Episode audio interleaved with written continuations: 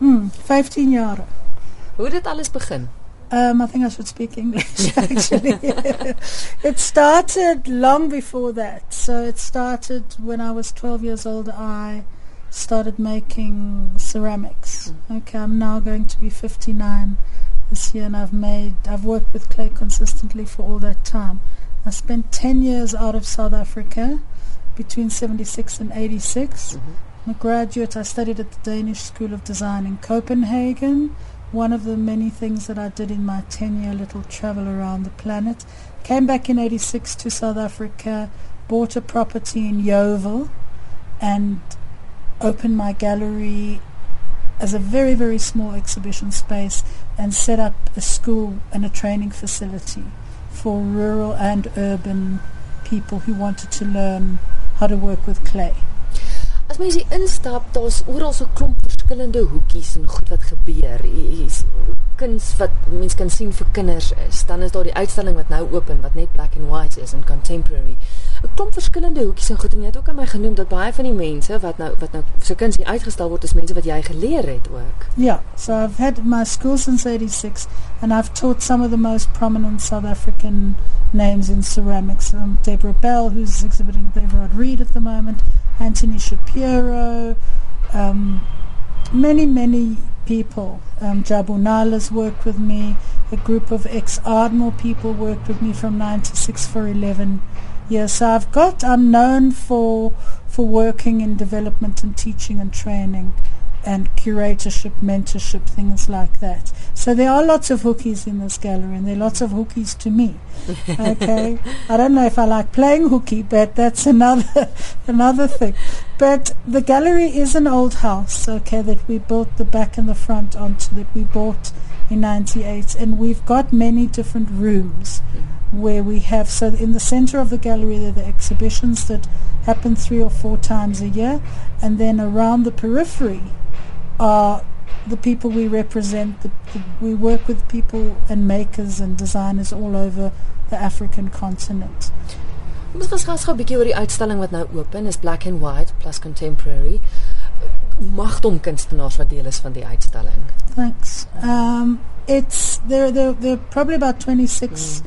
makers. Um a, a, number of different things ceramics, um, textiles, fiber, which is different to textiles in my my kind of sense. There's um, there are two paper artists, a new kid on the block who's making the most extraordinary translucent paper sculptures that that move, um, that that sort of move and and they sort of kinetic sculptures, extraordinary ceramics. Um, there's metal work papier mache. Um, there's the broader spectrum, and I've just looked very carefully around the country for the most extraordinary, beautiful objects that I could find.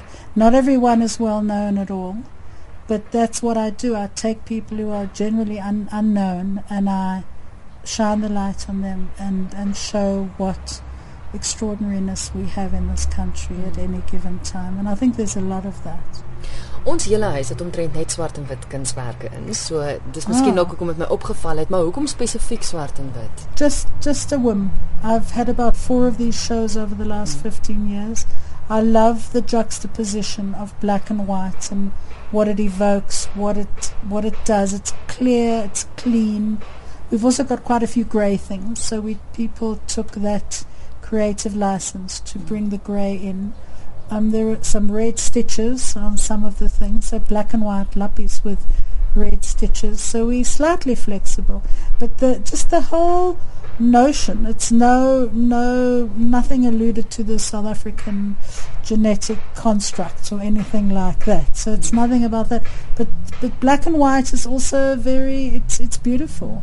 It's stark. It's powerful. It's there's an incredible stillness about the exhibition. Everyone who walks in, there's you can feel the quietness. There's this kind of everything's resting. For hoe lank gaan die uitstalling te sien wees? A month.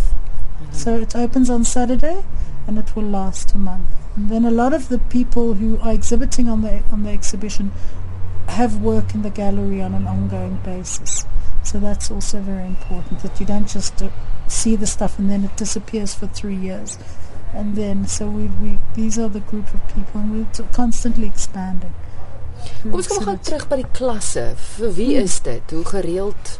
anyone anyone who wants to learn to work with clay if you're a visitor from the Shetland Islands for 2 weeks you can come and do classes. I teach on a Tuesday and a Thursday morning from 9:30 to 12:30 in my original school in Yeoville. Very very beautiful space. So we've got a whole property dedicated to clay kilns wheels different rooms. It's it's it's the, the children used to call it pottery paradise, and I think it's it's that, and it's been there since '86, and it's it's just absolutely beautiful. I teach people from all over the world, people who come here for short periods. I teach South Africans. I teach rural South Africans. We have visiting Zulu potters. So it's a, it's a center for ceramic excellence and it's been there forever. And, and anyone, you know, you can come t- twice a week in the mornings for these three-hour sessions. There are people who've been coming for 15 years. There are people who come for one year. There are people who come for three months. It's about clay. It's about clay is very healing.